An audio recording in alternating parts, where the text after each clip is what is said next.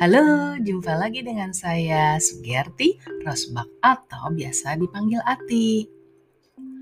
Podcast saya kali ini akan berbicara mengenai bagaimana kita bisa mengatasi rasa takut. Jadi ceritanya saya sudah melakukan sesi tatap muka untuk beberapa sesi-sesi training ataupun workshop yang memang bukan untuk publik tapi untuk in-house. Kemudian juga ada beberapa meeting yang tidak bisa terhindari harus dilakukan tatap muka. Walaupun saya akan memilih biasanya kalau memang benar-benar tidak bisa dilakukan virtual baru saya menyetujui untuk tatap muka. Dan pada saat saya melakukan sesi tatap muka workshop satu perusahaan, seminggu kemudian saya dikabari bahwa salah satu pesertanya ternyata terkonfirm positif COVID. Sehingga saya harus melakukan swab. Apa yang terjadi pada hari itu, pada saat saya dikabari, kebetulan saya juga sedang menuju ke satu tempat dan saya saat itu sedang mengalami tension headache kambuh. Karena saya sudah beberapa tahun ini mengalami tension headache karena hormonal. Dan melakukan swab itu posisinya tidak nyaman. Bahkan untuk orang yang sedang tidak tension headache. Di saat saya sedang tension headache dilakukan swab itu benar-benar tidak nyaman. Kemudian Prosesnya saya tanya berapa lama hasilnya baru diketahui, akan diketahui dalam waktu satu hari kemudian. Tapi ternyata setelah satu hari hasil itu terlambat, kemungkinan tiga hari. Dan apalagi yang dilakukan pas hari kedua tahu-tahu keluar hasilnya thanks God bahwa hasil saya alhamdulillah negatif. Tapi yang saya mau bahas di sini adalah bagaimana pada saat proses menunggu hasil tersebut. Kecemasan? Yes, itu pasti ada. Rasa takut? Pasti ada. Semua orang yang pernah mendengarkan pasti cukup shock dan kaget dan apalagi harus diswab dengan kondisi tidak nyaman. Beberapa teman saya juga ada yang menangis biasanya karena tidak nyaman sama sekali dan langsung kondisinya drop saya rasakan itu, bagaimana saya merasa khawatir, takut berlebihan. Alhamdulillah saya tidak terlalu merasa seperti itu. Saya saat itu langsung berdoa, tapi memang kenapa saya mempunyai rasa yang mungkin 50% 50% yakin dan tidak yakin? Karena selama saya proses memberikan training atau workshop, saya selalu menggunakan masker. Dan kebetulan pada hari itu saya menggunakan masker medis si peserta pun beliau menggunakan masker medis saat itu. Saya hanya membuka masker pada saat saya makan siang, tapi posisi saya tidak berhadapan sama beliau. Kebetulan posisi saya adalah 4 atau 5 bangku yang berjejeran sama beliau.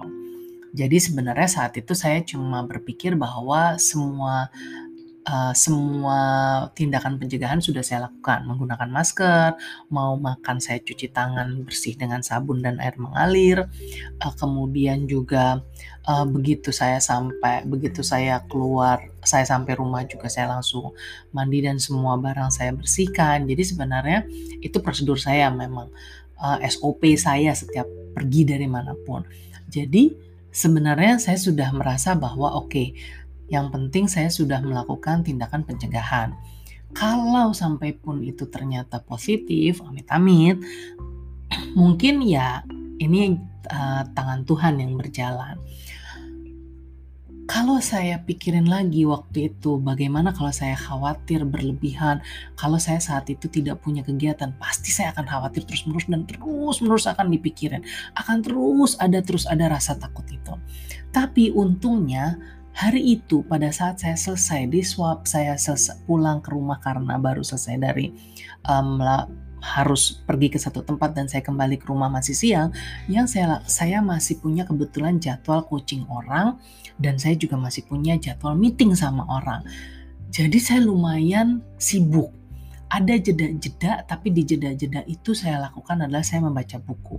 Kalau saya datang rasa takut dan kepikiran, saya langsung baca buku. Awalnya baca bukunya lumayan berat, tapi saya tahu, wah ini saya susah fokus, saya langsung cari buku yang lebih ringan. Jadi saya cukup teralihkan dan malam itu saya mencoba untuk melakukan cara mindful, cara meditasi. Jadi saya menarik nafas keluar sambil berdoa, menarik nafas keluar dan fokus hanya pada nafas saya dan bersyukur malam itu juga saya bisa tidur dengan nyenyak. Dan keesokan harinya pada saat hari saya menunggu hasil, saya kebetulan seharian itu harus ada jadwal coaching dan mengajar. Sehingga alhamdulillah saya tidak sempat terpikir karena kegiatan itu menjadi mood booster saya hari itu. Dan saya baru teringat, oh iya ya hasilnya belum keluar itu malam hari.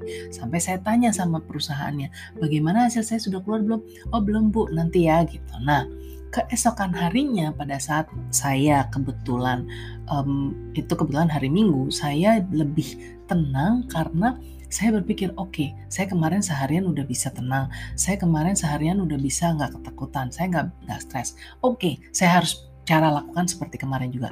Saya membaca buku lagi sambil menunggu, bahkan kalau saya ngantuk saya tidur gitu kebetulan karena itu hari Minggu dan gak ada kegiatan. Dan alhamdulillah begitu hasil keluar itu menjadi negatif. Tapi yang saya pikirin adalah, oh ya satu lagi, saya juga baca, saya juga sambil nonton beberapa video lucu untuk membuat imun tubuh saya juga naik. Daripada saya imun tubuhnya jatuh malah lebih jatuh lagi. Kalau stres yang ada nambah sakit mungkin gitu ya. Nah jadi saya terus berpikir karena saya kemarin melakukan seperti itu saya langsung berpikir jadi benar bahwa kalau kita punya rasa takut berlebihan yang ada kita tambah stres tambah nggak bisa tidur terus malah yang ada sakit yang lain gitu. Saya ingat beberapa tahun yang lalu saya pernah mengalami hal seperti ini tapi bukan uh, penyakit gitu. Saya ada beberapa kejadian yang menyebabkan saya rasa takut. Tapi saya ingat memang kalau rasa takut itu datang saya yang saya saya lakukan adalah selalu langsung membaca buku. Kalau tidak berdoa. Berdoa saya ambil air wudhu dan sholat. Atau misalnya baca Quran gitu itu menenangkan diri saya. Atau saya baca buku kemudian atau saya nonton video lucu. Dan biasanya itu benar-benar membuat rilis apa yang menjadi ketakutan saya. Karena pada dasarnya saya punya satu prinsip dalam hidup saya. Dan akhirnya kalau saya sudah melakukan baca, berdoa, saya selalu diingatkan pada prinsip hidup saya itu. Yaitu prinsip hidup saya bahwa Allah tidak akan memberi cobaan. Penyakit itu cobaan ya. Penyakit apa pun itu adalah cobaan. Allah tidak akan memberi cobaan kepada hambanya kecuali hambanya kuat menanggungnya. Sampai jumpa di podcast saya berikutnya. thank you